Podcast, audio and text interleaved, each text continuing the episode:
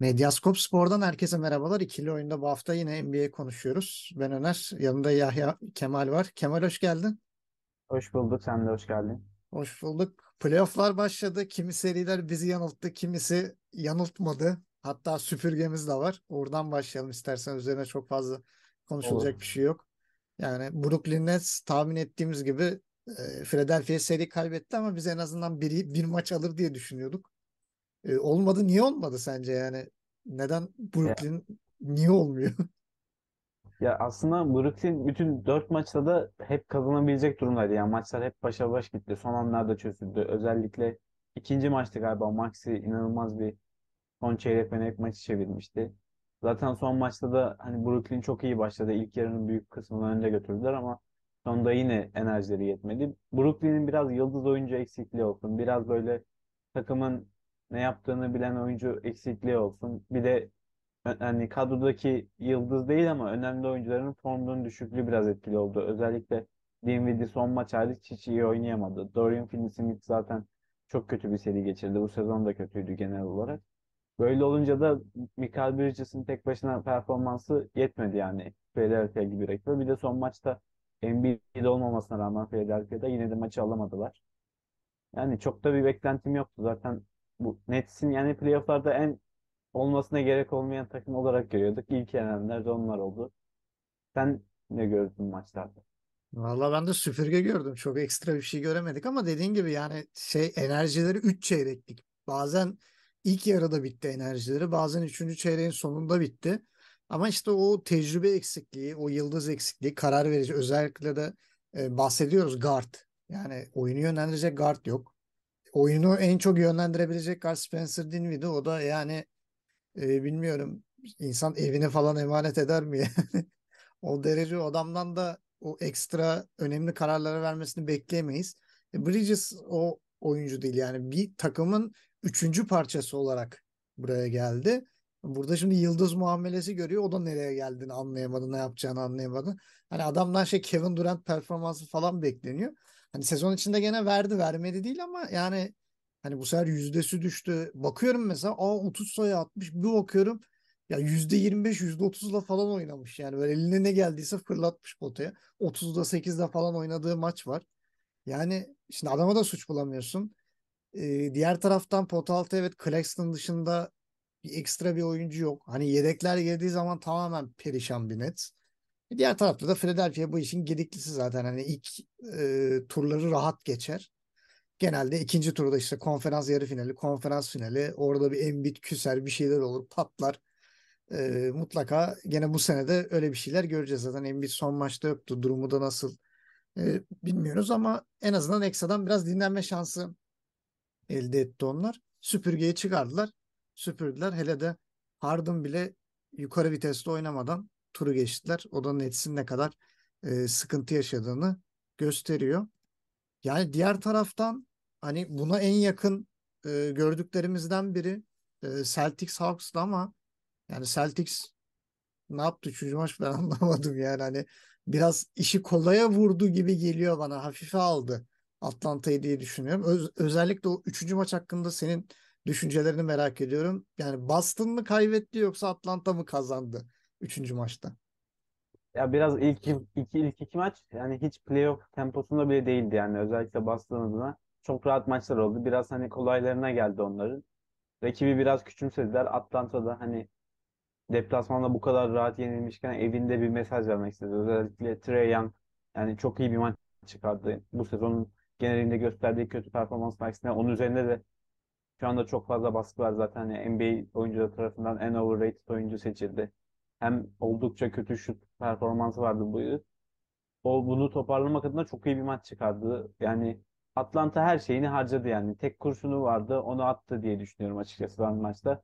Ama kalan maçlarda Boston'ın yine rahat şekilde kazanıp 4-1 seriyi bitireceğini düşünüyorum açıkçası. Atlanta hani bu maçı böyle şey bir mesaj vermek, bir şey yapmak. Bir de Boston'ın da biraz rahat kafa çıktığı bir maçtı açıkçası.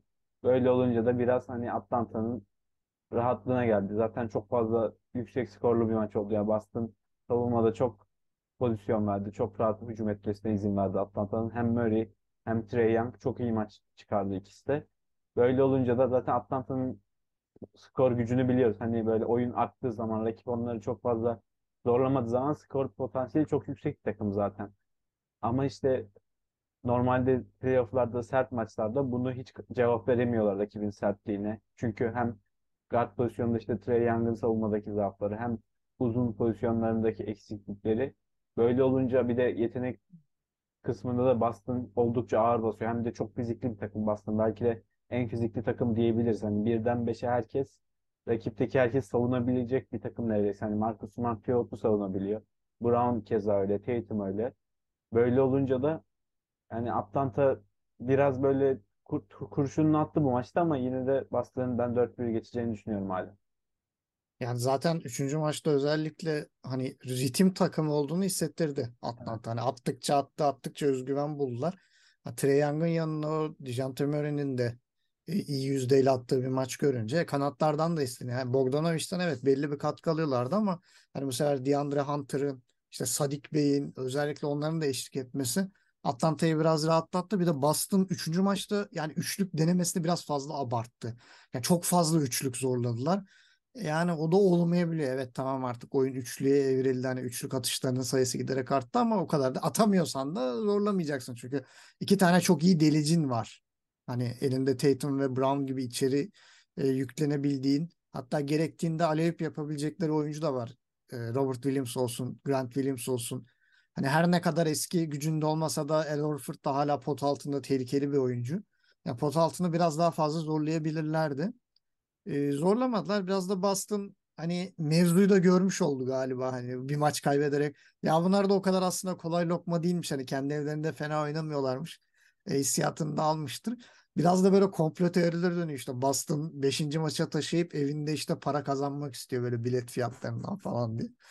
Öyle muhabbetler de hatta aynısını bir Sacramento için de konuşacağız.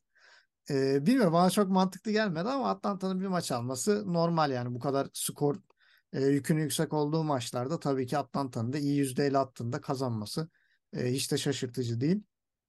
E, diğer iki seri Doğu'da yani biraz e, bizim açımızdan değil de e, böyle otoriteler açısından biraz böyle hayal kırıklığı olarak nitelendirilen bir yere gidiyor. Birincisi Cleveland'ın kötü performansı. Yani 3 maçta da bence yeterli bir performans sergileyemediler.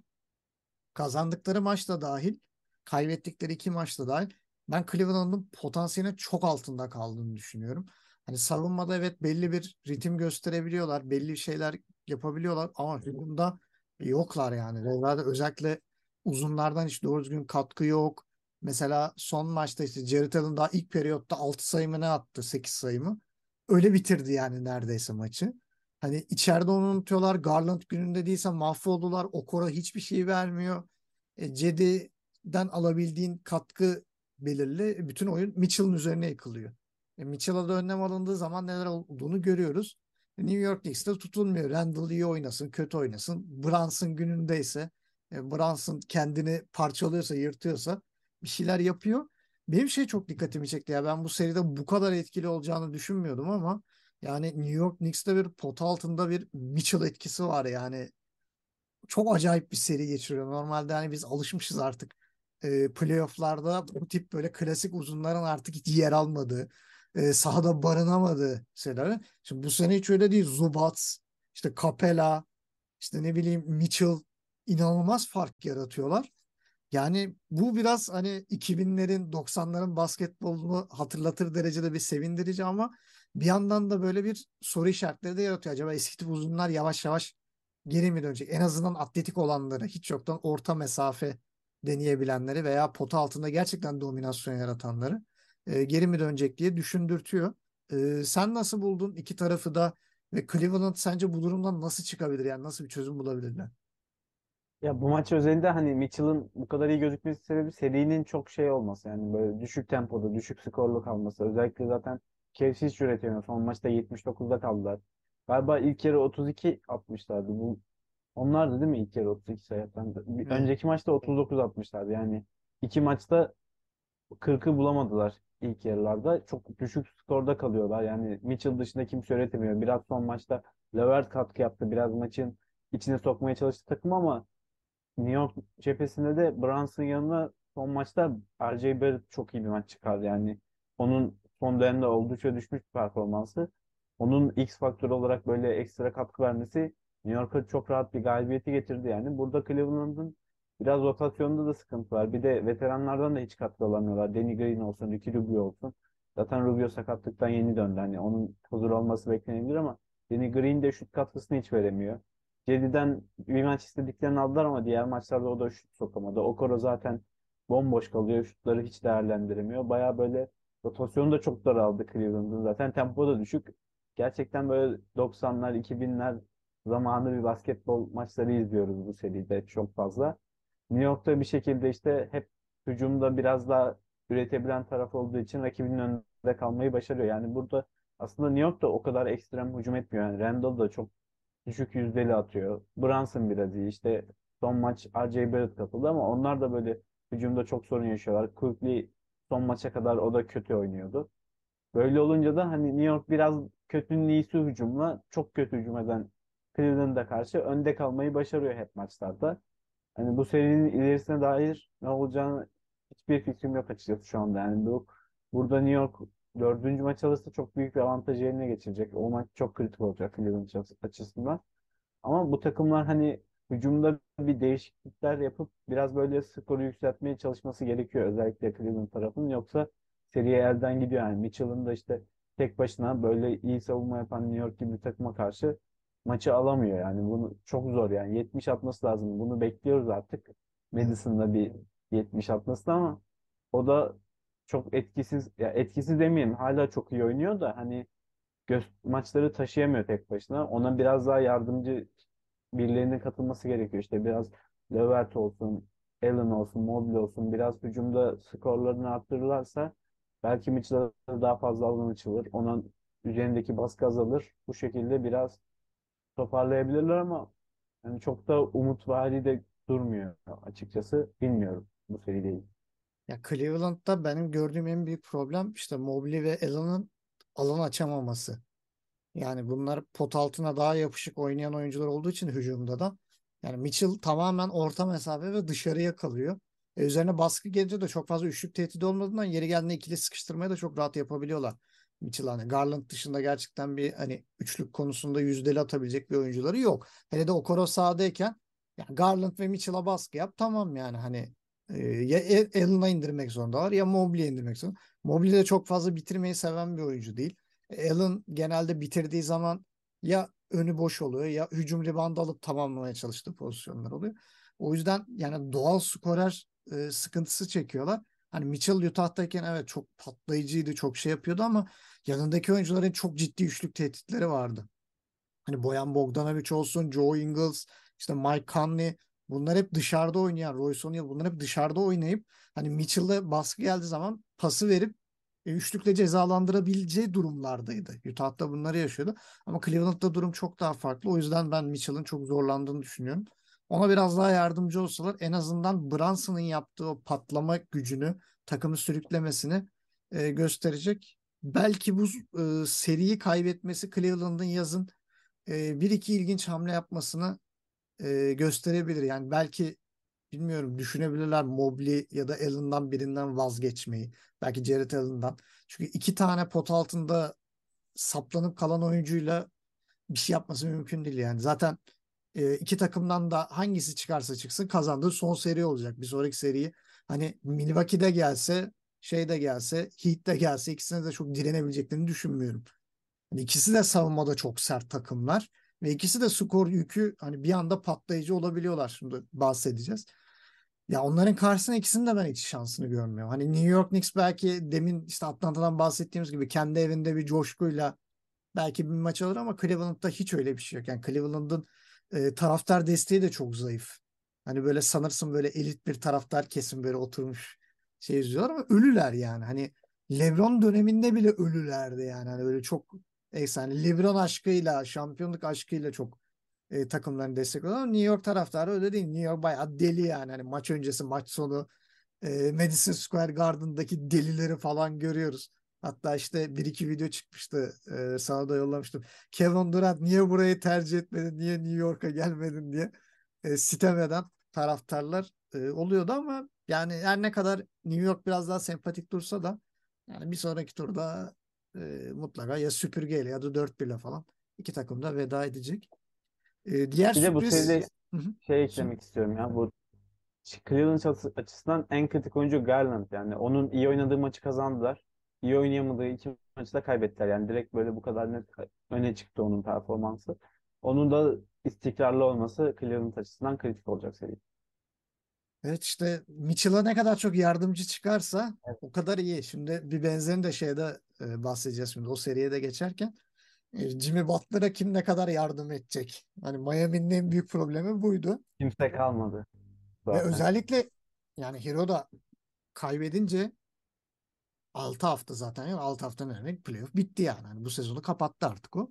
E, takımın ikinci skoreri hatta yeri gelince Jimmy Butler'dan bile daha fazla skor katkısı veren bir oyuncuydu. E sen en büyük iki skorerinden birini kaybettin ve karşında bir Milwaukee var. Yani sezonun birincisi var. Ne yapacak neyce bir de zar zor play'inden geldiler hani bir önce bir Atlanta'ya çok kötü bir e, mağlubiyet. Sonradan neyse bir şekilde e, şeyi yendiler. Chicago'yu yendiler. E, DeMar DeRozan'ın kızı da gelmediği için belki de playoff'a kaldılar. Hani belki o olsaydı e, bu burada şey görebilirdik ya Chicago'yu görebilirdik. Öyle bir şey de olabilirdi. Çığlıklı bir seri izliyor olabilirdik gene.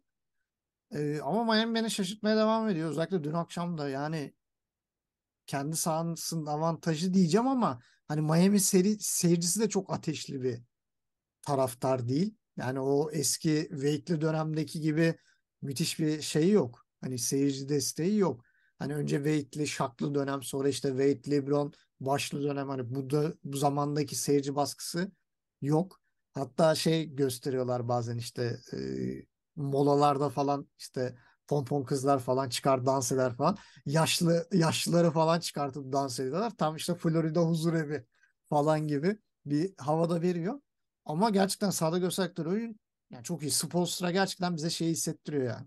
Hani gerektiği zaman biz gereğini yaparız abi. Hani gerekirse e, çerçöple e, süpürgeyle bile hani oraya sopa da koysam üçlük atar hissiyatını e, iyi verdiriyor. Çok iyi bir savunma koçu. Yani Miami'ye savunmada yaptırdıkları inanılmaz. Yani hani o süper 3 yıldızlı dönemde bile inanılmaz savunma yapıyorlardı.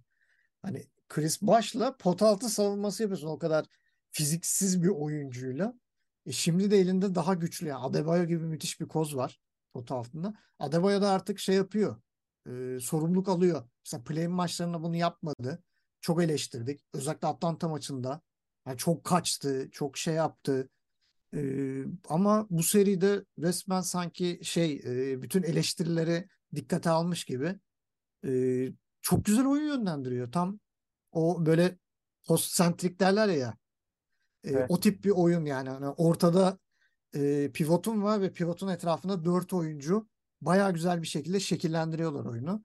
E, Butler'ın da zaten özelliği tam 80'ler 90'lar yıldızı gibi işi kişisel algılayıp e, eşleştiği oyuncuyu döve döve eze eze e, bol bol serbest atış çizgisine kendini attırarak e, bir şekilde rakibin psikolojisiyle oynuyor. Ama ben bu sene Butler'da şeyi gördüm. Yani artık eskisinden daha çok şuta kalkıyor. Yani birebir oynadığı kadar artık üçlük falan da deniyor. E, perdeden çıkıp şut da atıyor. Yani yaşına rağmen hani adamın oyun çeşitliliği zenginleşiyor. Normalde daha azalır. Hani bu yaşa gelmiş oyuncuların böyle oyun stilleri daha daralır. İşte mesela Vince Carter'da falan görmüştük. Tamamen üçlükçüye evrildi. Hiç potan, potaya doğru yüklenmeyen bir oyuncu. Ama Butler hala her şeyi fazlasıyla yaptığı gibi üzerine eklemeler de yapıyor. Yüzdeli üçlük attığı zaman da işler çok daha zorlaşıyor. Milwaukee tarafında da yani Yannis'siz zor. Yani Middleton, Holiday e, Yannis yoksa en az 30 falan atması lazım. Çünkü Brook Lopez'in ne vereceği belli değil. Bobby Portis bir iyi bir kötü belli olmuyor. Diğer e, cücelerden de çok iyi katkı aldığını söyleyemem ya. Kanatın olsun, Grayson Allen olsun. Ha, tamamen ritim oyuncuları bunlar. Çok güvenilir değiller. Zaten bunu da son bu maçta gördük. Çok ciddi bir fark yediler. Budenholzer da bence bu konuda çok iyi bir hoca değil. Yani açıkça söyleyeyim. Tam bir sezon hocası ama playofflarda e, çoğunlukla tıkanan bir hoca. Şu an tıkanmış gibi hissettiriyor bana bilmiyorum. Buradan topu atayım sana. Yani bu Budenholzer'ın T Atlanta döneminden beri şu playoff'ta çözüm bulamama e, şeyi yine sürdürülüyor mu? Bu yüzden seri Miami'ye döndü mü sence? Ya seri Miami'ye dönmüştü ama şöyle kritik bir durum var. Hani Oladipo da sezonu kapattı dünkü maçta. Bir de Butler da kalça kemiğinde zedeleme yaşadı. Son periyot oynamadı sakatlığı sebebiyle. Onun durumu çok kritik olacak. Zaten hani Üçüncü çeyrekte 30 sayıya ulaştı. Son basketini attığında sekerek oynuyordu. Yani böyle sekerek 30'a da tamamladı sonra çıktı. Böyle maçı 20 sayılara getirdi tekrardan. Yani Miami'nin işte Butler'ın bir maç bile kaçırması çok şey fark eder. Yani Butler'sız Milwaukee yenebileceklerini sanmıyorum. Özellikle Yannis olmasa bile. Bir de Yannis de artık döner diye düşünüyorum. Yani dördüncü maçta bir şekilde sakat da olsa riske edip oynatırlar. Çünkü Milwaukee açısından en kritik maç, maç olacak. Çünkü seri 3-1'e giderse buradan geri dönmesi çok zor olabilir Milwaukee adına. Hani bir de sezonu birinci tamamlamışsın. Şampiyonluğun en önemli favorisin.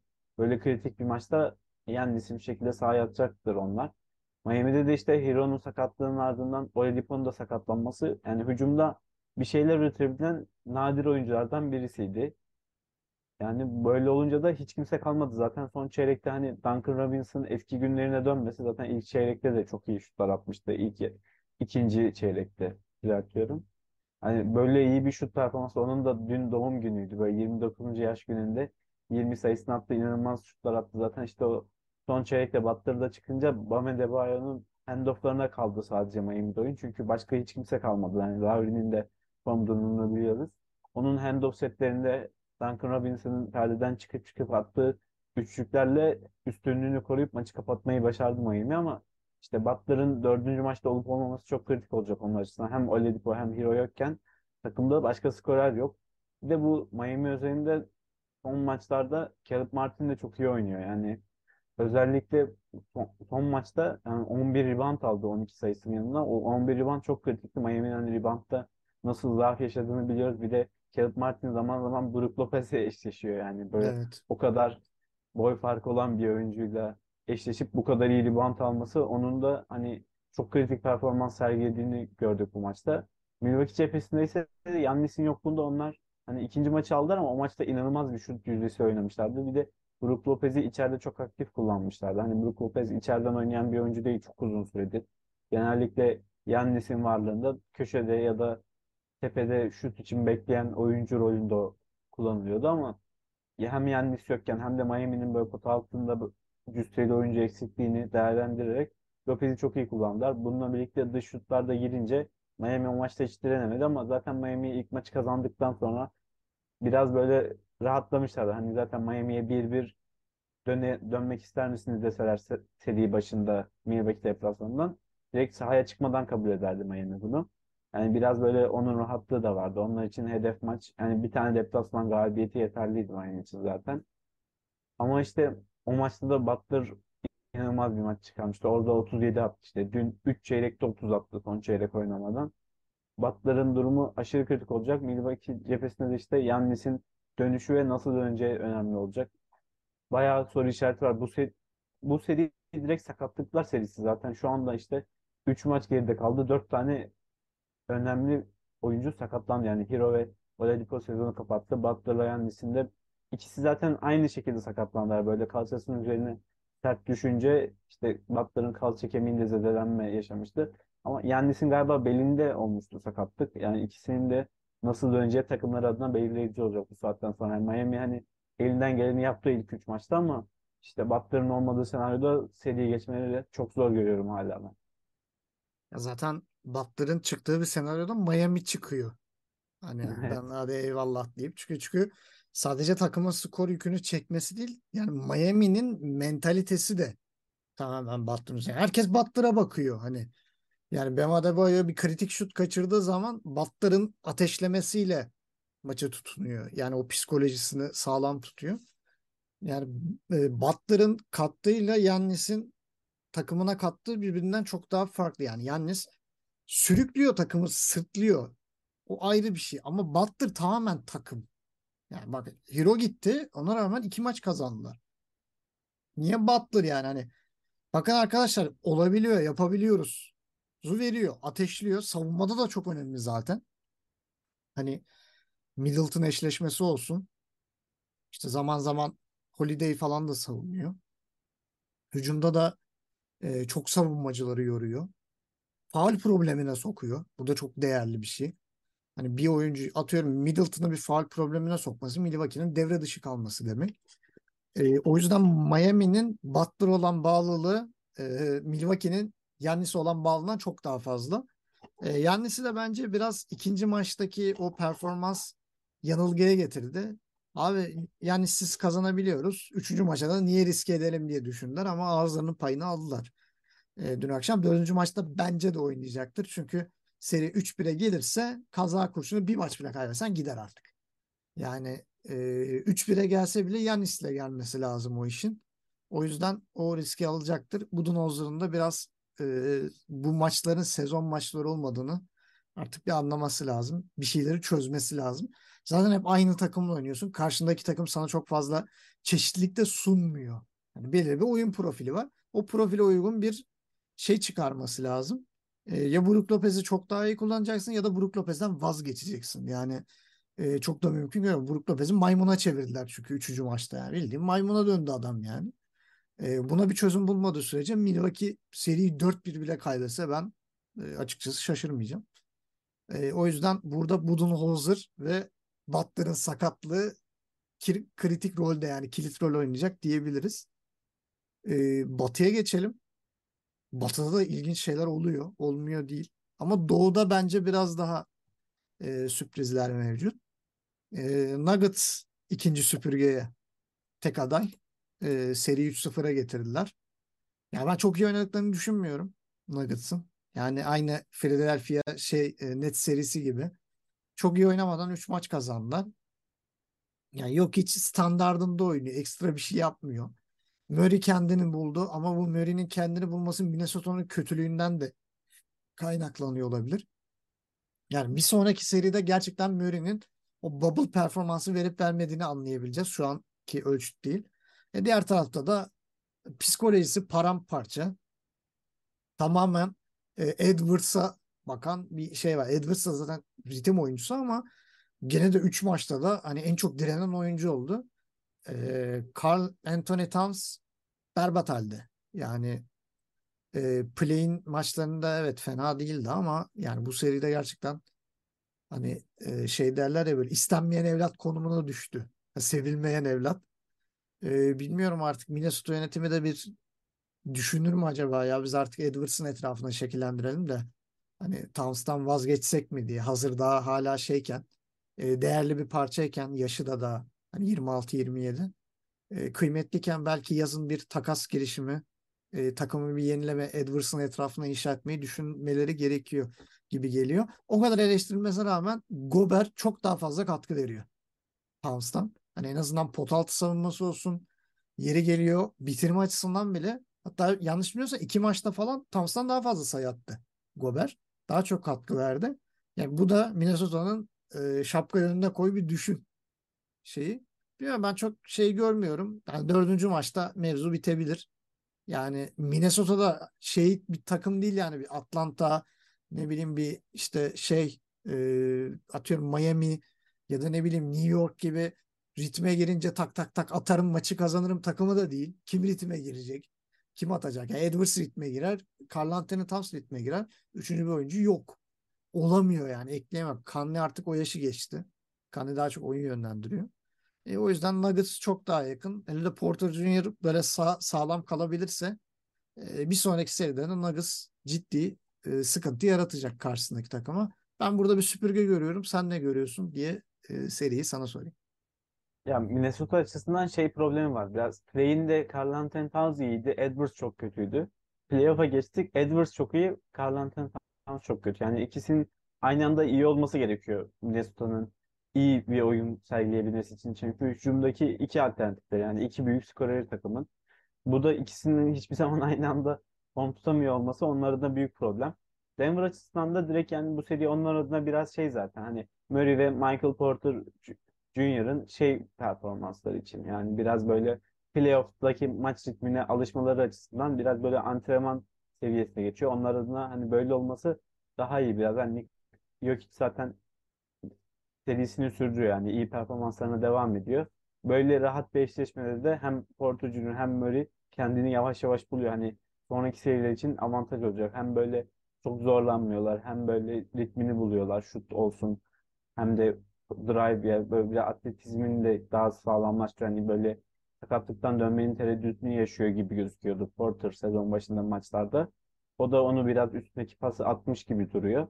Böyle olunca da Denver adına çok iyi bir seri. Bir de Denver'ın şey avantajı da olacak. Eğer hani dördüncü maçı kazanıp da süpürürse biraz böyle dinlenme fırsatları da olacak. Yani diğer seriye daha rahat hazırlanacaklar. Phoenix Suns Clippers eşleşmesinden gelen.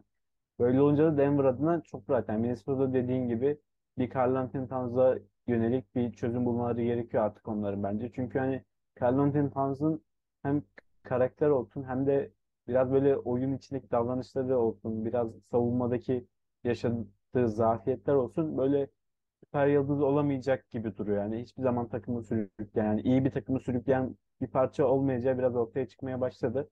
Hani böyle değerliyken elden çıkarmalı onlarına avantaj olabilir.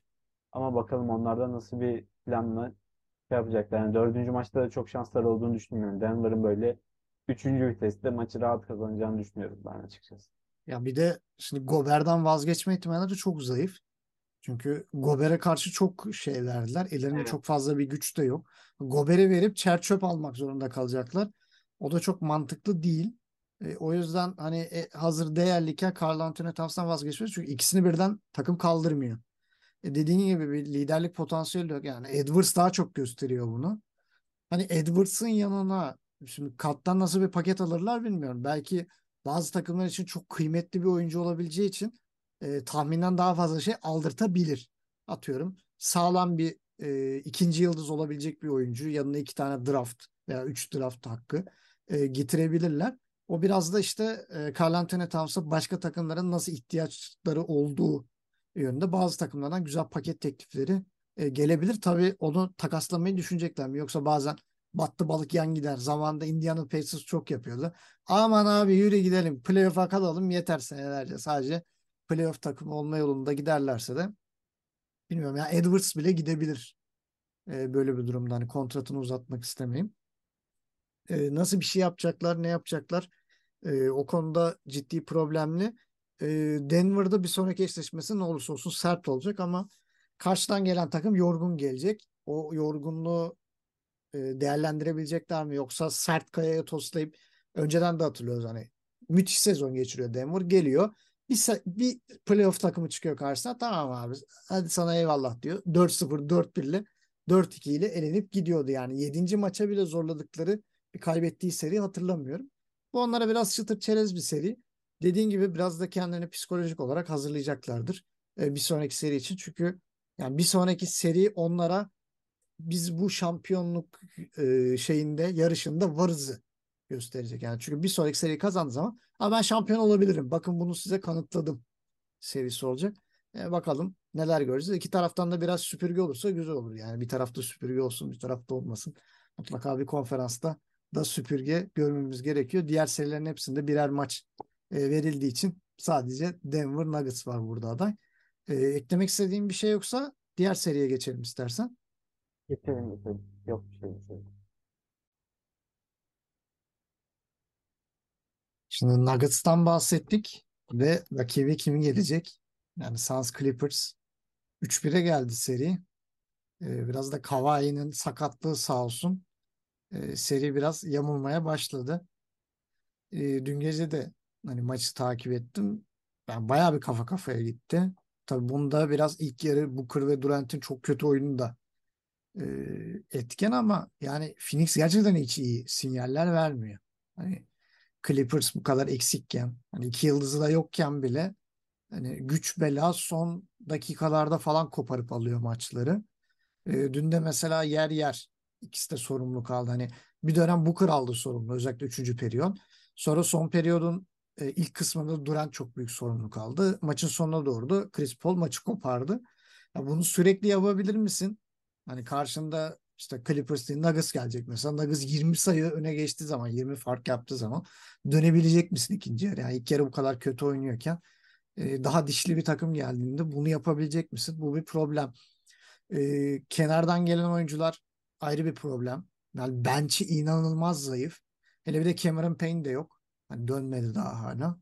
Yani 3 oyuncunun da neredeyse 30 sayı atmadan zor kazanacağı günler bekliyor Phoenix'e. Hani e, Booker'ın Durant'ın aynı anda delirip Chris Paul'un da kötü atmadığı bir gün lazım kazanmaları için. Çünkü başka doğru düzgün yardımcı olan kimse yok. Aiton mesela olmuyor yani. Hani o adamın potansiyeli çok yüksek değil. E, bunu da senelerdir görüyoruz. Ben bazen düşünüyorum acaba hani Phoenix o zaman e, Aiton'a gitmeyip de Doncic'i seçip sonra bir şekilde işte atıyorum takasla veya işte free agent'tan e, orta karar bir uzun çekseydi çok daha mı farklı olurdu franchise? E, belki çok daha da belki Chris Paul'a hiç yönlenmezlerdi o zaman. Çünkü Doncic gibi top yönlendirici olacağı için Chris Paul'a hiç ihtiyaç duymayacaklardı. Yani şu konumda e, Phoenix'i çok ciddi zorlandı. Ya Biyombo'ya ihtiyaç duyar hale geldiler. Yani Bismak Biyombo gibi bir oyuncunun vereceği savunma ve ofans katkısına ihtiyaç duyar hale geldiler. Yani o adam e, ofansta hücum rebound kovalasın diye 15-20 dakika oynar hale geldi. Bismak Biyombo. Yani Phoenix'i de ben çok iyi görmüyorum. Yani Nuggets karşısına çıktıkları zaman da çok zor bir seri e, onları bekliyor olacak. Olur da hani 3-1'den çevirip Clippers çıkarsa da ne kadar sağlıklı kalacaklar. Hani Paul George dönecek nasıl dönecek? E, Kawhi sağlıklı kalabilecek mi? Hepsi soru işareti. Bunların hepsi Nuggets'a yarıyor diyelim. Yani Nuggets'ın da tek sorunu tecrübesizlik.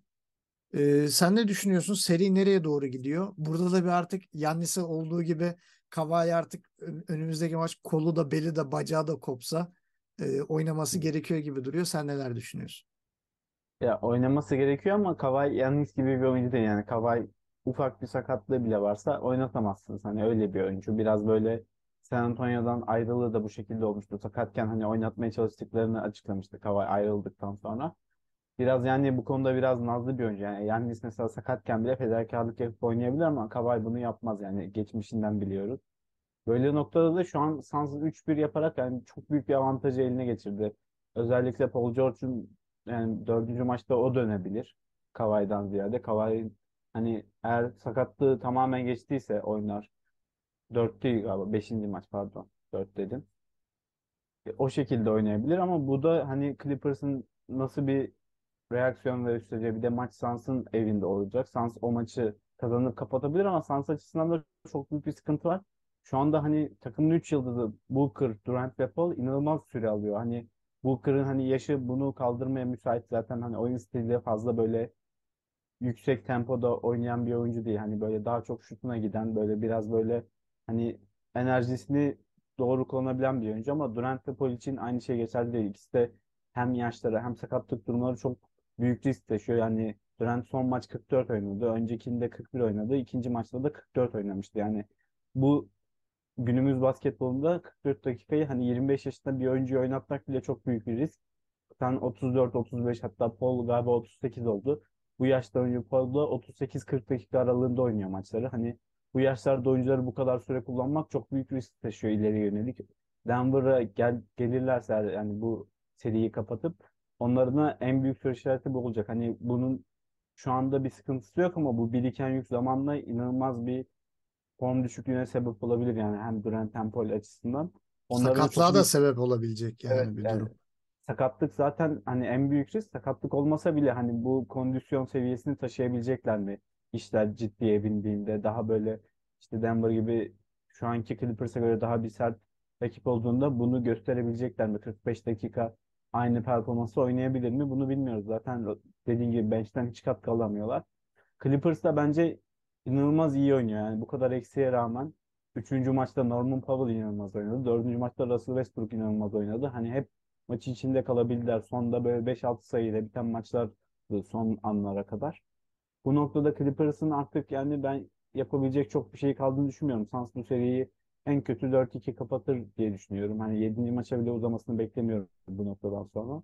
Ama Suns'ın da işte geleceğe yönelik çok büyük soru işaretleri barındırıyor. Zaten hani bu oyuncu grubunun yani Durant geldikten sonra Booker ve Paul ile çok az maça çıktı. Biraz böyle uyumda da sıkıntıları çıkabilir. Biraz böyle Durant'in liderliği eline alıp maçları taşıyan oyuncu rolüne bürünmesi gerekiyor. Çünkü hani Booker ve Paul bir yere kadar taşıyor ama bir yerden sonra onların da yapacak. Çünkü işte çok dar bir oyuncu kadrosu olduğu için bu dar rotasyonda Durant'in çok fazla sorumluluk alıp çok fazla kendi skoruna gitmesi gerekiyor. Onda bunu çok tercih etmiyor. Daha çok böyle çoğu hücumda köşede bekleyen oyuncu ya da asiste giden oyuncu rolünde kullanıyor. Yani galiba iki, ilk ya da ikinci maçta 11 asist ne yapmıştı yani çok az şut kullanıp Torrey Craig taşımıştı maçı. Yani Torrey Craig'in de katkısı onlar adına çok kritik oluyor. Yani bu dört oyuncu dışında hiçbir şey alamıyorlar açıkçası. Aiton'dan bekleni alamıyorlar. Bench'ten zaten katkı gelmiyor dediğin gibi Biyombo'nun savunması dışında. Dört oyuncuyla nereye kadar gidebilirsin? Ben açıkçası Phoenix'in hem oyun olarak hem rotasyon olarak hem de bu oyunculara binen yük nedeniyle şampiyon olabileceğini asla düşünmüyorum bu sezon. Ama bu turu bir şekilde geçeceklerdir. Clippers'ta da artık Kawhi ve George'un dönerse bir mucize yaratıp 3 maç üst üste kazanabilirler mi? O da çok büyük soru işareti bence açıkçası.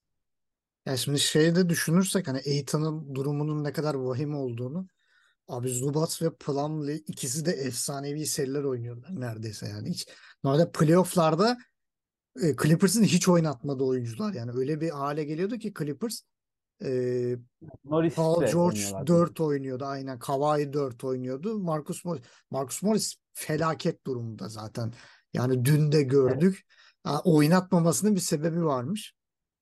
Yani gerçekten e, Clippers'ta hani bench'e evet kuvvetli. Hani Phoenix'ten tam tersi. De yıldız yok. Hani her şey neredeyse Westbrook'un üstüne kalmış. Evet e, ama Powell'ın verdiği katkı olsun. Terence Mann mesela çok X faktör oldu bu seride. Durant'e karşı çok iyi savunmada e, sergiledi zaman zaman. Booker üzerinde olsun. Yani e, çok fazla iyi katkı verebilecek oyuncu var Clippers tarafında ama aynısı Phoenix'te yok. Hani şimdi sorsalar mesela Durant takasında e, Phoenix kimi daha çok özlüyor? Bence Michael Bridges'ten çok Cam Johnson'ı özlüyorlar yani. Cam Johnson şu an kenarda olsa Phoenix çok daha rahat ederdi. O köşe üçlükleri işte e, savunmada verdiği katkı özellikle kenardan gelip birinin 10-15 sayı atması bile çok değerli. Phoenix'in öyle bir oyuncu yok. Çünkü Torrey Craig ilk 5 oyuncusu. E, belki bir Cameron Payne sağlıklı dönerse. Hani Okogie de hücumda değil savunmada veriyor o işi. Evet. Hani Okogie de çok iyi savunma yapıyor bu arada. Yani çok e, beklenenin çok üzerinde bir katkı sağlıyor. Özellikle savunma açısından ama yani hücumda o bu üçlüye yardımcı olacak. Yani Craig'in devamlı bir 20 falan atması lazım. Ona çok fazla top gelmiyor. Hani hep bu üçlü üzerinden döndüğü için oyunlar hani hücumda 3 kişiyiz, savunmada 5 kişi e, hissiyatı veriliyor. E, Durant çok da inişli çıkışlı. çok beş gibi durmuyorlar yani. Evet. Aiton'un hani biraz çok rahat tavrı, Bahamalı olmanın biraz getirdiği hava diyelim. Biraz böyle çok kafa rahat oynuyor. Hani Aiton playofflarda olduğunun farkına bile. Aslında Aiton hani çok kötü oynamıyor ama şey değil hani konsantrasyonu çok düşük bence bu seviye. Hani Clippers gibi şampiyonluk favorisi hani sağlıklı olduğunda bir takıma karşı bile bu kadar düşük yoğunlukta bir maç çıkarıyorsanız çok büyük soru işareti doğuruyor sizin açınızdan yani. Aiton'un sorunu ne olduğunu düşünüyorum ben açıkçası. Ama işte dediğin gibi 3 oyuncu dışında hücumda bir şeyler bekleyebileceğin düzenli olarak oyuncu yok elde. Bu da hani ileriye dönük sert bir rakip geldiğinde çok daha zorlayacak. Hani Clippers bu kadar eksiğine rağmen bu kadar rekabetçi olabiliyor size karşı. Büyük soru işareti var yani bende Hans açısından. Ya şey bir de kenardan gelen oyuncuların hiçbiri delici değil. Triendi'yi de Evet. yani ş- Triendi'ye en yakın Okogie var. Okogie'de hani D var da Tri yok yani hani adamda. E diğer taraftan Cameron Payne dönse biraz delici ama ne kadar hani üç oyuncuyu birden dinlendirebildiğin veya birini sağda tutarak dinlendirdiğini düşün. Atıyorum Cameron Payne oyunda işte Booker ve e, Booker'da kaldı diyelim. Durant'le şeyi dinlendiriyorsun. E, Chris Paul'u. Hani e, Cameron Payne o yükü üstlenebilecek mi? Hani Booker'a fazla top aldırmayıp zor. Hani onun dışında Okogie boşta bile versen üçlük atıp atmayacağı e, çok da belirsiz bir oyuncu. O yüzden yani Monty Williams zaten kara kara düşünüyor maçlarda kenarda. Öndeyken bile şey var suratında yani böyle ulan biz ne yapacağız? Hani imkanlı olsa da Free Agents'tan birini çeksek falan gibi bile düşünüyordur belki. Hani Ya biraz böyle rotasyonu kendi daraltıyor açıkçası. Hani ben şeyin çok katkı verdiğini düşünüyorum açıkçası. Jock Landale'in ama onu çok az kullandı seride. Hani çok iyi bir oyuncu bence. Zaten onu Euroleague'den de tanıyoruz. Onu çok az kullanıyor. Terence Ross da hani her ne kadar biraz yaşı ilerlemiş olsa da yani en iyi döneminde olmasa da o da bench skoreri olabilecek bir oyuncu. Onları hiç kullanmıyor yani. Son maçta ikisi de hiç süre almadı.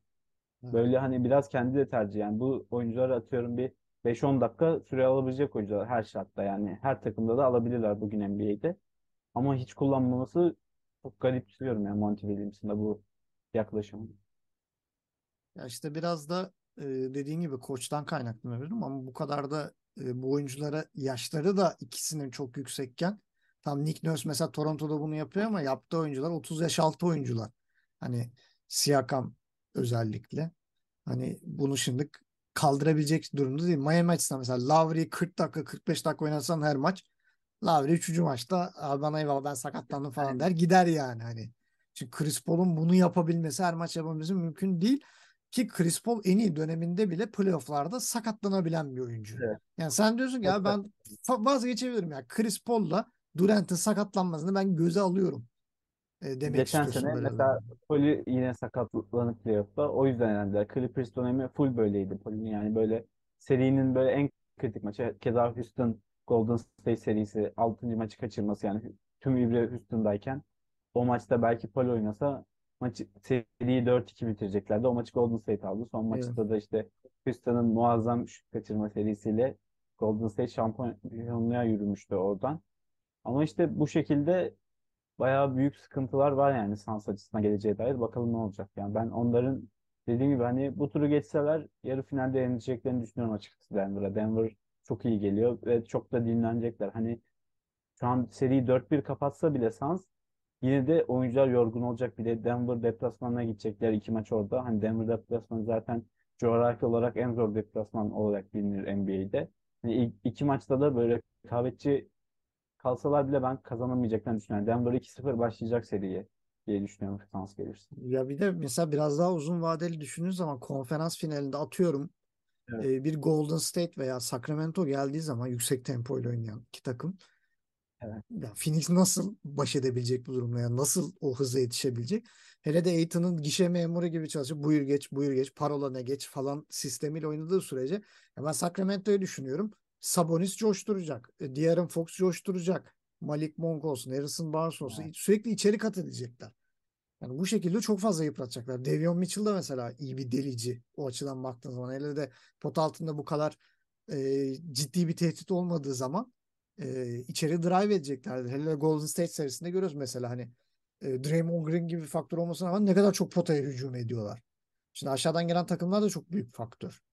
Hani e, bu Golden State şey gelmese Memphis gelse Memphis de öyle bir takım. E, Lakers'ta da e, aynen Anthony Davis gibi evet. bir müthiş bir güçlü. Anthony Davis coşturur zaten Aiton'u bulduğu zaman evet. karşısında. Yani Phoenix çok çok zor. Sürekli maksimumda oynamak zorunda. Yani dediğim gibi 3 oyuncudan en az bir 90 sayı alması gerekiyor. Bu 90 sayıya yakın bir şey göstermeleri gerekiyor. Ben bunun her maç gerçekleşebileceğini düşünmüyorum.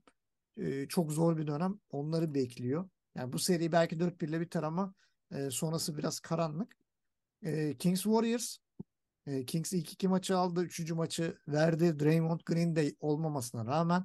Ama bence burada seyirci faktörünün çok e, öne çıktığını düşünüyorum. Özellikle mesela bu sene Golden State'teki en büyük eleştirilerden biriydi. E, evinde ne kadar iyiyse deplasmanda da o kadar kötü. Hani şeyler tersine dönüyor. İşte evinde 30 maç kazanıyorsa deplasmanda 30 maç kaybetmiş. E, böyle bir durum var. Eğer deplasmandaki tüm maçları kaybedecekse Golden State 4-3'te elenir. Yani burada 5. maç çok büyük bir önem arz ediyor. Dördüncü maçta da tabii kazanması yani serinin 2-2'ye geldiği bir durum. Beşinci maçı kazanan muhtemelen seriyi alacak. Ee, öyle bir hissiyat var. Ee, Sacramento'da acaba bir kendinden şüphe durumu var mı? Beni en çok merak ettiren durum bu. Yani üçüncü maç onlara acaba bir e, umutsuzluğa acaba yapamayacak mıyız hissine sürüklüyor mu? E, bu biraz önemli. Çünkü bu maçta biraz hücum ritimleri düştü. Özellikle Malik Monk e, çok kritik bir rol oynuyordu. Üçüncü maçta iyi savundular onu. Yedi sayıda kaldı. Şut yüzdesi de çok düştü. e, bir çözüm bulacak mı acaba koç? Yani Mike Brown neler yapacak? Ben de çok merak ediyorum. Yüksek tempodan vazgeçmeyecektir ama e, hücumda acaba daha farklı varyanslar deneyecek mi? Golden State'in başka zaaflarına özellikle yönelecek mi? Mesela şey de bir taktiktir. E, Draymond'un gene üzerine oynayabilirler. Sonuçta Draymond şu an mimlendi. O hareketten sonra bir maçta ceza aldı. E, çabuk sinirlenen bir oyuncu olduğu için hani gene onun üzerine oynayıp onu maçtan attırıp belki neredeyse seri dışında kalmasını sağlayabilecek bir hale getirebilirler. Bu bile bir taktiktir. Ee, yani Mike Brown'un dördüncü maçta neler göstereceğini ben çok merak ediyorum. Yani bu maçı özellikle de Sacramento kazanırsa ben turu geçti gözüyle bakarım. Çünkü beşinci maçta ya Sacramento'da gerekirse seyirci sahaya inip o maçı alır yani. Hani o raddede. O iki, iki maçtaki ben e, seyirci baskısını çok uzun zamandır görmemişim. Yani futbol maçı gibiydi. Yani böyle müthiş bir e, şey. Sanki şey maç böyle Sacramento'nun şeyinde değil de İngiltere'de mesela ne bileyim bir Arsenal'in, United'ın, Liverpool'un sahasında oynanıyormuş gibi muazzam bir coşku vardı. Yani Sacramento'nun dördüncü ve beşinci maç performansı bence serinin kaderini etkileyecek diye düşünüyorum. Burada topu sana atayım. Yani üçüncü maç üzerinde seri nereye gidiyor? Dördüncü ve beşinci maçlardan özellikle sen neler bekliyorsun? Ya üçüncü maç biraz as- açıkçası aslında Sacramento açısından bence soru işareti barındırmıyor. Biraz bu Golden State'in kendisiyle ilgili bir problem. Hani Golden State'in artık sırtı duvara dayanmıştı. Bu maçı almak zorundaydı. Çünkü hani NBA tarihinde biliyoruz 3-0'dan dönen seri yok. 3-0'a gelse iş bitiyordu Golden State için. Yani Draymond Green de yoktu. Artık hani tüm kozunu sahaya sürüp bir şekilde daha böyle aç galibiyete daha ihtiyaç duyan taraf olduğu için biraz böyle agresif çıktılar. Kevin Looney de inanılmaz bir performansıyla maçı aldı. Yani 4 sayı attı ama belki 20 rebound ve 9 asist yaptı yani, yanlış hatırlamıyorsam. Hı hı. Böyle olunca 11 de hücum reboundıydı reboundlarının. Böyle olunca da biraz böyle Golden State galibiyete gitti ama bunu şeyde de gördük zaten. Hani biraz sonra konuşacağımız Memphis Lakers serisinin ikinci maçında Memphis'in Warren'siz şekilde çıktığı maçtaki reaksiyonunu görmüştük. Hani bu böyle maç seri içinde tek maçlık reaksiyonlar olabiliyor ama Golden State bunu ne kadar sürdürebilecek? Bence açıkçası önemli olan o. Çünkü hani işte dediğim gibi artık tüm varınızı yoğununuzu koymanız gereken bir maça çıktığınızda o maçı kazanabilirsiniz ama bunu diğer maçlarda sürdürülebilir bir şey değil. Hani bu herkes yani takımdaki bir takım tüm maçlara son maçıymış gibi çıkamaz. Yani bu yoğunlukta oynayamaz. Bu hani çok fiziksel olarak da mümkün değil. Hem de psikolojik olarak da bir şeyliği var. Böyle olunca da Sacramento'yu ben hala avantajlı görüyorum seride. Dördüncü maçı da kazanabilirler. Kazanamasalar bile evindeki yine beşinci maçı alıp seride yine avantajı eline al alacaklarını düşünüyorum açıkçası. Çünkü Golden State iyi durumda olsa bile hani Golden State kötü durumda değil ama savunmada biraz sorun yaşıyor. Hücum kısmında hani Clay ve Curry çok iyi şut yüzdesiyle oynuyorlar tüm maçlarda ama buna Sacramento cevap verebiliyor. Yani bir hücum yoğunluğu yüksek maçta bile Sacramento Golden State'le rekabetçi kalabiliyor. Bu onlar açısından en önemliydi. Hani Golden State'i atarak yenmek mümkün değildi geçmiş dönemlerde. Sacramento ama bu oluşturduğu kadrosuyla atarak da kazanabiliyor.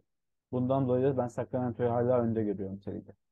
Şey bir de hücum reboundları özellikle dediğin gibi 3. maçta çok e, damga vurmuştu seriye. Dediğim gibi yani bu playofflarda uzunların normalde tercih edilmeyen uzunların acayip katkılar verdiği ve vazgeçilmez haline geldiği şeyler görüyoruz. Hani Alex Len bile Sacramento'da e, acayip şeyler gösterebiliyor. Hala sahada barındırılabiliyor. E, Sabonis mesela e, yani ne kadar güvenebilirsiniz deniyordu. Güveniliyor. O da mesela biraz e, hücumda Adebayovari post sentrik e, perimetrik sentrik modeliyle oynayabiliyor. Ama işte o savunmada o verilen hücum reboundları çok canını yaktı.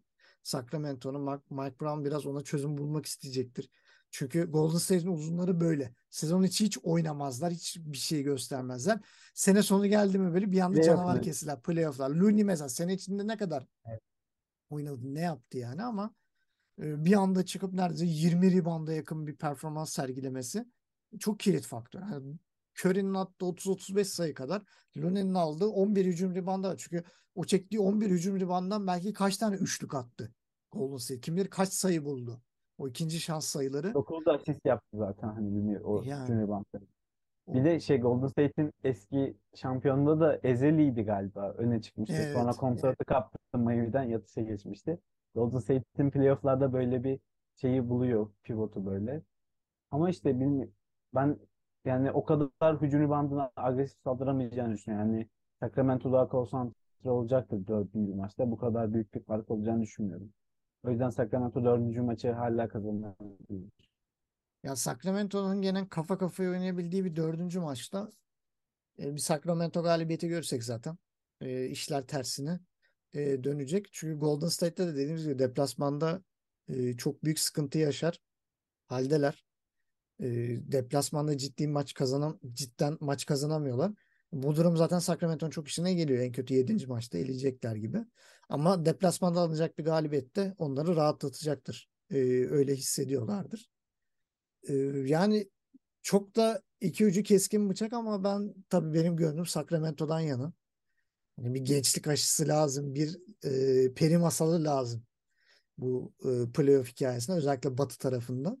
E, bunu gerçekleştirmeye en yakın gördüğüm taraf Sacramento kısmı. Diğer taraftan da NBA'in en sevilmeyen takımı e, Memphis seride geriye düştü. E, çok acayip bir maç. Yani 3 çeyrek boyunca bayağı bir geriden takip ettiler. Memphis özellikle e, Jaren Jackson Jr. ilk iki maçtaki performansının çok gerisinde. Jamoran yani ben maça da baktım. Sonra tekrar özeti de izledim. 45-60 ama ha, ne ara attı bilmiyorum yani. Lakers savunma yapmayı bıraktı zaman falan çeyrekte attı attı çoğunu. 20.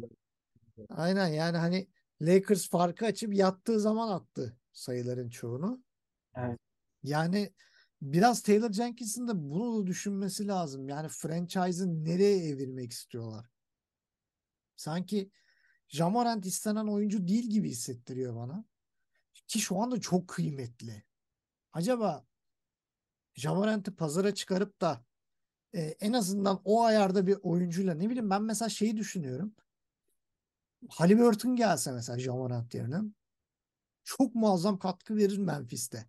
Mesela Jamorant'in yapamadıklarını da yapıp yaptıklarını da yapabilecek bir oyuncu. Ki Jamorant dışarıdan hiç katkı vermiyor. Neredeyse üçlük konusunda gerçekten güvenilen bir oyuncu değil. E, pota hücum ediyor evet etmiyor değil ama Anthony Davis'i gördüğünden beri iç, içeride de verimli değil. Çok fazla ilk maçta hatırlıyorsun çok fazla blok yedi. Ve bir süre sonra içeri girmeye bıraktı. İçeri girmeyen Jamorant hiçbir işe yaramıyor. E, pas kalitesi de çok iyi değil. Hani sıkıştığı zaman e, çok iyi e, boştaki oyuncuyu da bulamıyor. Yani sanki başka bir oyuncu düşünülebilir.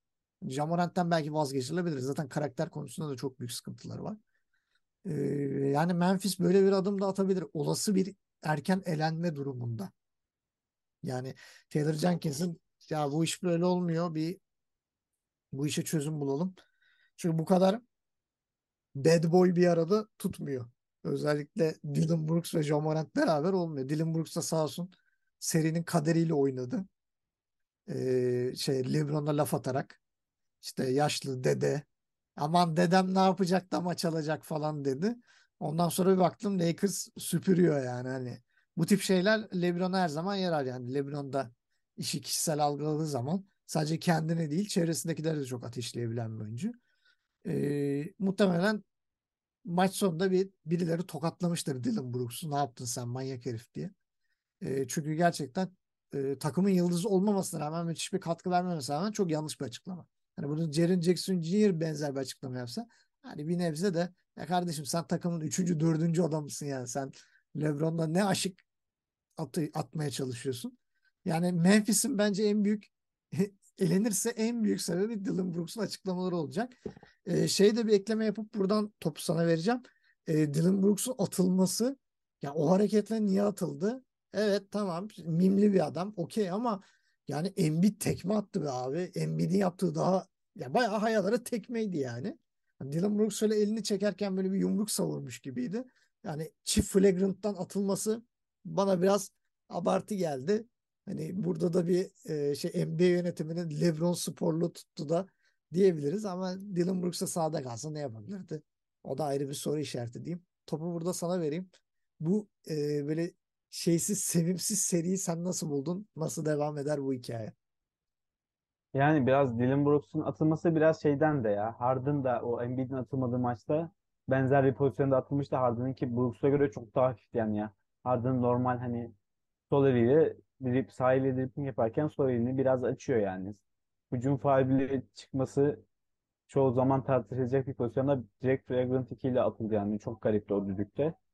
Böyle olunca hani bu maçın özelinde direkt şeyle başlamak gerekiyor. Yani üçüncü maç biraz Dylan Brooks'un o ikinci maç sonunda yaptığı şeyle bir de hani daha seri bir bir evinde bir maçı kaybetmişsin. Zaten niye böyle bir şey yaptı? Sanki 3-1 öne geçtin de hani bir rakibe bir trash talk olayına girdi. Bunu çok erken yaptı yani açıkçası. Bir birlik bir seride buna hiç gerek yoktu. Böyle olunca da Lakers üçüncü maçın başında inanılmaz bir reaksiyon verdi. Hani bu da ikinci maçta Memphis'in verdiği reaksiyona karşılık bir reaksiyondu. Direkt 35-9 başladı zaten. Maç orada bitti yani 26 sayıdan dönmek kolay değil. Memphis zaman zaman hani farkı onlara kadar düşürse de Morant'in inanılmaz performansıyla LeBron, AD ve Rui Hachimura'nın çok iyi performansını devam etmesiyle direkt maçı kapatmayı başardılar. Yani son çeyrekte Morant inanılmaz oynadı. Belki 24 sayı attı. Son 22 sayı olmak üzere. Yani Memphis'in son çeyrekteki son 22 sayısını Direkt Morant hepsini kendi kaydetti ama yani fark 20 idi zaten son çeyreğe başlarken. Zaten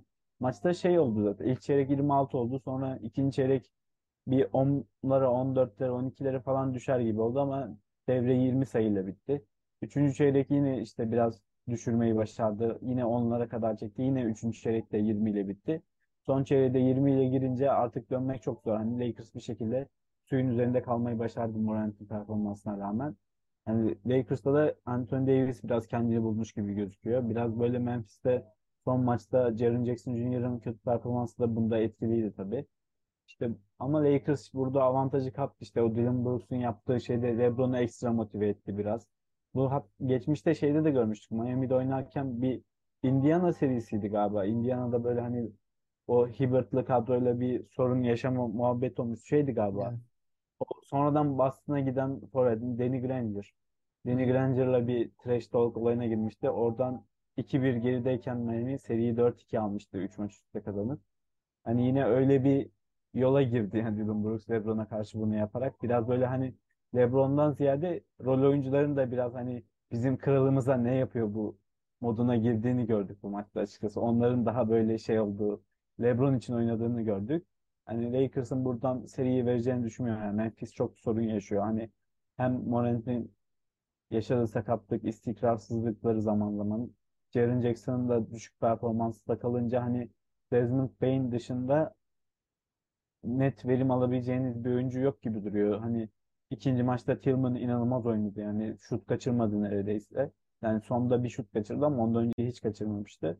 Hani öyle ekstra performanslar gerekiyor Memphis'in kazanması için. Lakers da Rui Hachimura ile yürüyor yani. O da kariyer serisini geçiriyor. Yani kariyerinde hiç olmadığı kadar iyi şut atıyor. Yani dün de 2'de 2 ile oynadı. Böyle 16 oynarsa sayı bir, attı yani. Hani ya her maç zaten 15 civarlarında atıyor. Bir de işte bir maç 4'te 4 atmıştı galiba. İşte geçen maç biraz düşüktü. Sanırım 4'te 2 idi. Yine kötü değildi. Bu maçta 2'de 2 yani. Böyle şut atarsa Hachimura zaten Lakers'a karşı şansınız kalmıyor neredeyse. ya şey bir de e, ben mesela Memphis'in seriyi çevirme ihtimalinde bir olay var. Anthony Davis sakatlanacak. Seriyi kapatacak. Anca öyle Memphis alabilir. Başka ihtimal göremiyoruz. Çünkü Eğri bayağı içeriği karartıyor. Evet. E zaten şu anda skor yükü açısından da LeBron'dan daha fazla skor yükü çekiyor. Anca o şekilde ben hani Memphis'e bir şans görebiliyorum. Tabii burada da Memphis'e tamamen sağlıklı kalması şartıyla. Ama belki Morant sakatlanmıyor. Morant sakatlanınca daha iyi oluyor Memphis açısından. Spacing problemleri kalmıyor. Tillman ben 3. maçta da beğendim. Yine elinden geleni yaptı. Evet hücumda o ikinci maçta kadar delirmiş gibi bir sayı atmadı ama gene de savunmada bir iki tane çok acayip bloğu var. Yani çok şey kattı. Tyus Jones'u ben hiç beğenmiyorum bu seride gerçekten. Hani Lakers'lıymış gibi oynuyor biraz daha Tyus Jones. Ee, Lakers'ta da aslında bakma kadro cidden kötü değil. Hani e, her maç bir tane 10 sayı üstü atabilecek bir oyuncu var. Mesela D'Angelo Russell çıkıp 15 atabilir. Ne bileyim Hachimura yapıyor mesela. 15 sayı atabilir. Austin Reeves gelip 15 sayı atabilir. Daha bir de oynamayanlar var. Hani oynasa belki Evet. 15 sayı. İşte Malik Beasley. Malik Beasley eskiden 20 sayı yani sezonda 20 sayı ortalaması yapabilen bir oyuncuydu. Evet. Eski günlerinden bir iki kuple gösterse bir maç iki maç çat çat çat X faktör olur. Hani X faktör olunca Schroeder çok de var parça yani. var. Var ellerinde. Yani Memphis'te bu yok.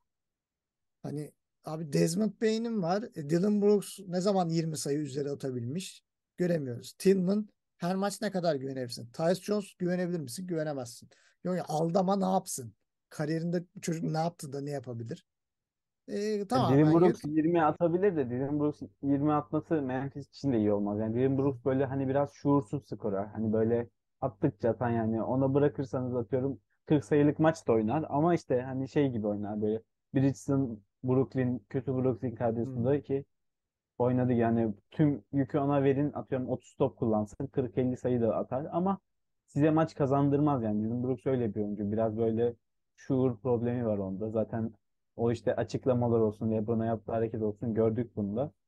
Biraz böyle Memphis'te dediğin gibi skor potansiyeli düşüyor. Eğer Jaren Jackson ve Morant ikisi birden iyi oynamazsa onlar da hücumda sorun yaşıyorlar. İşte son maçta onu da gördük. O yüzden ben Memphis'in geri dönebileceğini düşünmüyorum açıkçası bu seride. Lakers kapatır bir şekilde. LeBron da hani şut sokamıyor belki ama inanılmaz iyi oynuyor. Hem savunma olsun hem rebound katkısı olsun hem de potu altında çok iyi bitirici. Yani dün yaptığı maçlarda da inanılmaz böyle eski- 39 yaşında olmadığını gösterdi resmen. O hani sağ, sarıyla gelip soluyla bitirdiği maç olsun. Bir tane takip maçı olsun. O da iyi durumda olduğunu gösteriyor fiziksel açıdan. Hani şutu girmiyor. Bu seride şutta büyük sıkıntı yaşıyor. Geçen maç 8'de 1'di. Bu maç 4'te 0 attı. Ama LeBron da skorerliğini ve savunma katkısını da takıma katkı sağlıyor. Zaten şeye de ihtiyaç duymuyor. Yani LeBron'u son döneminde skorerliğinden çok top yönlendiriciyle ön plana çıkıyordu ama bu Lakers kadrosuna hiç gerek kalmıyor. Çünkü evde Russell var, Schroeder var, Reeves yapabiliyor bunu. Zaten sizin 3 tane yani oyun kurabilen oyuncunuz var. Buna LeBron çok fazla da ihtiyaç duymuyor. Ya şey bile yani hücumda neredeyse eline top değmeden biten hücumlar Evet. bile görüyoruz. Yani şey gibi bir oyuncu oldu artık böyle hani senin varlığın yeter abi sahada dur yeter Yani gibi bir oyuncuya evrildi. Yani burada da mesela Memphis'i geçmeleri de Lakers için biraz illüzyonvari olacak. Çünkü geçtiği zaman karşılarına çok tempolu bir takım gelecek. Yani ikisinden biri de çıksa. Golden State'de olsun, Sacramento'da olsun yüksek tempoda oynayan takımlar. Muhtemelen ayak uydurmakta çok zorlanacaklar. Çünkü şundan dolayı diyorum ikinci maçta Memphis nasıl kazandı? Yüksek tempoyla kazandı. Çok hızlı oynadılar yani. Lakers'ın başı dön. Ne oluyor ne oluyor? Hani bir smaç geliyor, çat top kapıyorlar, bir üçlük geliyor, çat bir top kapıyorlar, turnike, basket falan falan. Ne oluyor abi nereye geldik hissiyatı var. Hani Memphis'in bunu yaptığını çok daha fazlasını o diğer iki takım yapıyor zaten. Hani muhtemelen LeBron oturup bir Sacramento Golden State maçı izlediyse izlerken yorulmuştur. Yani o tempoya hiç düşmeyen bir tempo. 120'leri 130'ları gören iki takımlar. Yani e, buradan çıksalar bile hani Memphis bile çıksa o iki takımdan biriyle çok boy ölçüşebileceklerini düşünmüyorum. Yani Memphis içeride beyin olarak yaşlı bitikler. E, şey tarafı da Lakers tarafı da fiziken yaşlı yani hani o şeyi kaldırabilecek düzeyde değiller. E, yüksek tempoyu. Ama bilmiyorum ben de artık Memphis'in şansına e, çok düşük görüyorum. Özellikle bu maçta psikolojisi çok kırılmış gibi hissettim. E, çok zor. Yani en fazla 4-3'e zorlayabilirler Lakers'ı diye düşünüyorum. Kendi sahasında da çünkü müthiş bir baskı altına alamıyorlar. Rakibi öyle bir seyirci baskısı da göremiyorum. Ama yani buradan çıkan takımın da çok ileri gidebileceği bana mantıklı gelmiyor. Özellikle bu Sacramento Golden State serisinin galibinin çok rahat konferans finaline hatta NBA finaline kadar e, gidebileceğini düşünüyorum. Ama doğudan gelen takım kim olursa olsun yani batıdakine göre çok sert olacak yani hani. Şimdi burada çok fazla takım eleneceği için zaten savunması iyi takım gelecek doğudan. E, hücumu da en iyi takım olan kalacak. Yani atıyorum Milwaukee de gelse işte Boston'ı geçip gelmiş olacak. Veya işte Boston gelse Milwaukee ya da ne bileyim Miami işte ne bileyim e, Philadelphia'ya geçip gelmiş olacak. Ya da Philadelphia bu takımlara basıp e, geçtiği zaman işte Boston'ı Milwaukee ya da işte e, bu benzeri Miami'yi çok iyi durumdaki bir Miami'yi geçtiği zaman diyeceksin ki ya bunlar eze eze geldiler ve finalde hem hücum hem savunma açısından iyi olacak. Yani Batı'da savunma açısından iyi bir takım göremiyorum. Yani gene bir e, şampiyonun doğudan çıkacağı bir playoff bizi bekliyor gibi gözüküyor. Ama tabii daha derenin altından çok sular akar. Senin de bir önceki programda söylediğin gibi sakatlıklar şampiyonlukları Evet. belirliyor. Son 4-5 senedir E, kim az sakat verirse onun epi göğüsleyebileceği bir playoff yine bizi bekliyor diyebiliriz. E, eklemek istediğim bir şey var mı Kemal? Yok yani mümkün olan en az sakatlığı görmek istiyoruz. Yani biraz insan, şifa diliyorum ben oyunculara. Çünkü hani inanılmaz sakat başladı. Yani her sene oluyor da bu sene daha ilk turda ilk 2-3 maçtan her takımda eksilen isimler olmaya başladı. İşte özellikle Miami, Milwaukee serisi olsun, Embiid olsun, Morant olsun böyle hep de kritik oyuncular böyle sakatlanmaya başladı. Hatta Kawhi'yi da eklemek lazım.